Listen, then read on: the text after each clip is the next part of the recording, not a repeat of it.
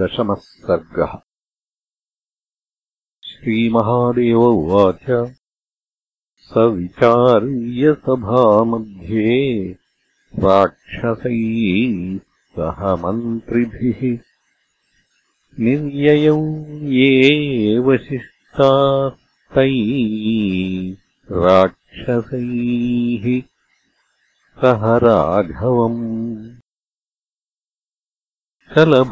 शलभैर्युक्तः प्रज्वलन्तमिवानलम्। ततो रामेण निहताः। सर्वे ते राक्षसायुधि। स्वयम् रामेण निहतस्तीक्ष्णबाणेन वक्षसि। व्यथितस्त्वरितम् लङ्काम् प्रविवेश दशाननः। दृष्ट्वा रामस्य बहुशः पौरुषम् चाप्यमानुषम्। रावणो मारुतेश्चैव शीघ्रम्। सुक्रान्तिकम् ययौ। नमस्कृत्य दशग्रीवः शुक्रम् प्राञ्जलिरब्रवीत्। भगवन् राघवेनैवम् लङ्काराक्षसयूथपैः। विनाशिता महादैत्यानिहताः पुत्रबान्धवाः। कथम् मे दुःखसन्दोहः त्वयि सद्गुरौ। इति विज्ञापितो दैत्यगुरुः प्राह दशाननम्। होमम् कुरु प्रयत्नेन रहसि त्वम् दशानन। यदि विघ्नो न चेद्धो मे तर्हि होमानलोत्थितः महान् रथश्च वाहाश्च चापतूणीरसायकाः। सम्भविष्यन्ति तैर्युक्तस्त्वमजेयो भविष्यसि। गृहाणमन्त्रान्मद्दत्तान् गच्छ होमम् कुरु द्रुतम् इत्युक्तस्त्वरितम् गत्वा रावणो राक्षसाधिपः गुहाम् पातालसदृशीम् मन्दिरे स्वे चकारः लङ्काद्वारकपाटादिबद्ध्वा सर्वत्र यत्नतः होमद्रव्याणि सम्पाद्य यान्युक्तान्याभिचारिके गुहाम् प्रविश्य चैकान्ते मौनी होमम् प्रचक्रमे। उत्थितम् धूममालोक्य महान्तम् रावणानुजः। रामाय दर्शयामास होमधूमम् भयाकुलः रामदशग्रीवो होमम् कर्तुम् समारभतु। यदि होमः समाप्तः स्यात्तदाजेयो भविष्यति। अतो विघ्नाय होमस्य प्रेषयाशु हरीश्वरान्। तथेति रामः सुग्रीवसम्मतेनाङ्गदम् कपिम्। हनूमत्प्रमुखान् वीरानादिदेश महाबलान् प्राकारम् लङ्घयित्वा ते गत्वा रावणमन्दिरम्। दशकोट्यः प्लवङ्गानाम् गत्वा मन्दिररक्षकान् चूर्णयामासुरश्वांश्च गजांश्च न्यहनन् क्षणात् ततश्च सरमानामप्रभाते हस्तसंज्ञया विभीषणस्य भार्या सा होमस्थानमसूचयत् गुहापिधानपाषाणमङ्गदः पादघट्टनैः चूर्णयित्वा महासत्त्वः प्रविवेशमहागुहाम्। दृष्ट्वा दशाननम् तत्र मीलिताक्षम् दृढासनम् ततोऽङ्गदाज्ञया सर्वे वानरा विविशुर्द्रुतम्। तत्र कोलाहलम् चक्रुः ताडयन्तश्च सेवकान्। सम्भारांश्चिक्षुपुस्तस्य होमकुण्डे समन्ततः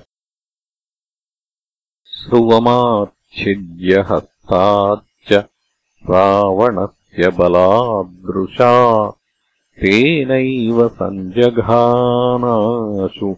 हनूमान् प्लवगाग्रणीः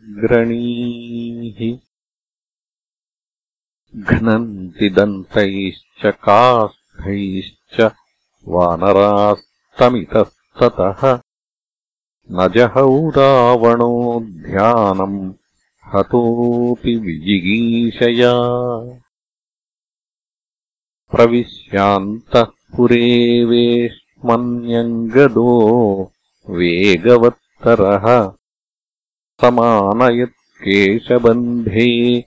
धृत्वा मन्दोदरीम् शुभाम् रावणस्यैव पुरतो विलपन्तीमनाथवत् विददाराङ्गदस्तस्याः कन्सुकम् रत्नभूषितम्। मुक्ता विमुक्ताः पतिताः समन्ताद्रत्नसञ्चयैः श्रोणिसूत्रम् निपतितम् त्रुटितम् रत्नचित्रितम् कटिप्रदेशाद्विस्रस्ता। नीवीतस्यैव पश्यतः। भूषणानि च सर्वाणि पतितानि समन्ततः।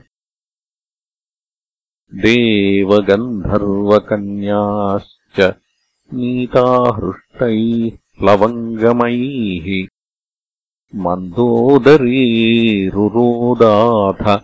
रावणस्याग्रतो भृशम् क्रोशन्ती करुणम् दीना जगाददशकन्धरम् निर्लज्जोऽसि परैरेवम् केशपाशे विकृष्यते भार्या तवैव पुरतः किम् जुहोषि न लज्जसे। हन्यते पश्यतो यस्य भार्या पापैश्च शत्रुभिः। मत्तव्यम् तेन तत्रैव जीवितान्मरणम् वरम्। हा मेघनाद ते माता क्लिश्यते बत वानरैः त्वयि जीवति मे दुःखमीदृशम् च कथम् भवेत्। भार्यालज्जा च सन्त्यक्ता भर्त्रा मे जीविताशया। श्रुत्वा तद्देवितम् राजा मन्दोदर्यादशाननः उत्तस्थौ खड्गमादाय त्यज देवीमिति ब्रुवन्। जघानाङ्गदमव्यग्रह कटिदेशे दशाननः तदोत्सृज्य ययुः सर्वे विध्वंह्यहवनम् महत्। रामपार्श्वमुपागम्य तस्थुः सर्वे प्रहर्षिताः। रावणस्तु ततो भार्यामुवाच परिसान्त्वयन् दैवाधीनमिदम् भद्रे जीवता किम् न दृश्यते त्यजशोकम् विशालाक्षि ज्ञानमालम्ब्यनिश्चितम् अज्ञानप्रभवः शोकः शोको ज्ञानविनाशकृत्। अज्ञानप्रभवाहन्धीः शरीरादिस्वनात्मसु। तन्मूलः पुत्रदारादिसम्बन्धः संसृतिस्ततः हर्षशोकभयक्रोधलोभमोहस्पृहादयः। अज्ञानप्रभवा ह्येते जन्ममृत्युजरादयः। आत्मा तु केवलम् शुद्धो व्यतिरिक्तो ह्यलेपकः आनन्दरूपो ज्ञानात्मा सर्वभावविवर्जितः। न संयोगो वियोगो वा विद्यते केनचित् सतः। एवम् ज्ञात्वा स्वमात्मानम् त्यज शोकमनिन्दिते। इदानीमेव गच्छामि। हत्वा रामम् स लक्ष्मणम् आगमिष्यामि नो चेन्माम् दारयिष्यति सायकैः। श्रीरामो वज्रकल्पैश्च ततो गच्छामि तत्पदम् तदा त्वया मे कर्तव्या क्रियामच्छासनात् प्रिये सीताम् हत्वा मया सार्धम् त्वम् प्रवेक्ष्यसि पावकम्। एवम् श्रुत्वा वचस्तस्य रावणस्यातिदुःखिता। उवाच नाथ मे वाक्यम् शृणु तथा कुरु। शक्यो न राघवो जेतुम् त्वया चान्यैः कदाचन। रामो देववरः साक्षात्प्रधानपुरुषेश्वरः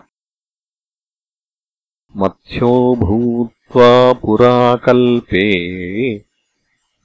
मनुम् वैवस्वतम् प्रभुः ररक्षसकलापद्भ्यो राघवो भक्तवत्सलः। रामः कूर्मोऽभवत्पूर्वम् लक्षयो जनविस्तृतः। समुद्रमथने पृष्ठे दधारकनकाचलम्। हिरण्याक्षोऽतिदुर्वृत्तो हतोऽनेन महात्मना क्रोडरूपेण वपुषा क्षोणीमुद्धरता क्वचित् त्रिलोककण्टकम् दैत्यम् हिरण्यकशिपुम् पुरा हतवान्नारसिंहेन वपुषा रघुनन्दनः विक्रमैस्त्रिभिरेवासौ बलिम् बद्ध्वा जगत्त्रयम्। आक्रम्यादात् सुरेन्द्राय भृत्याय रघुसत्तमः। राक्षसाः क्षत्रियाकारा जाता भूमेर्भरावहाः तान् हत्वा बहुशो रामो भुवन् जित्वा यदान्मुनेः स एव साम्प्रतम् जातो रघुवंशे परात्परः। भवदत्थे रघुश्रेष्ठो मानुषत्वमुपागतः तस्य भार्या किमर्थम् वा हृता सीता वनाद्बलात् मम पुत्रविनाशार्थम्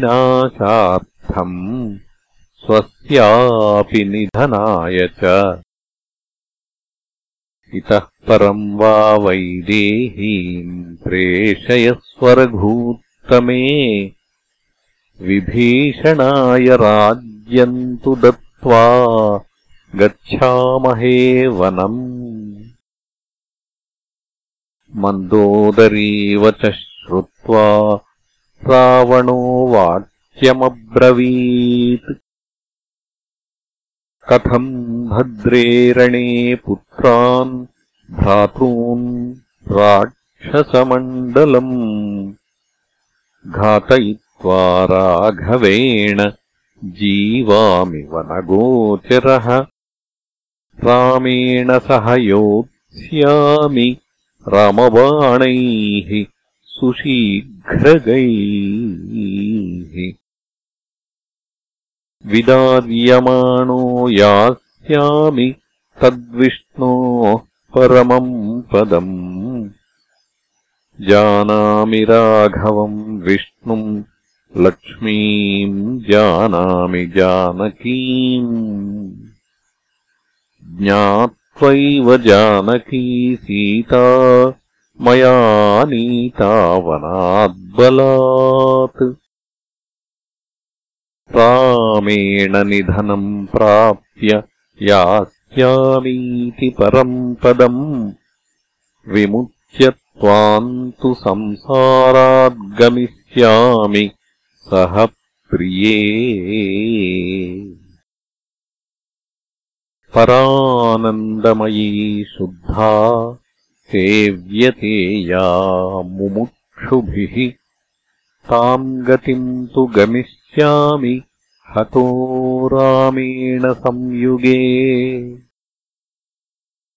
प्रक्षाल्यकल्मषाणीह मुक्तिम् यास्यामि दुर्लभाम्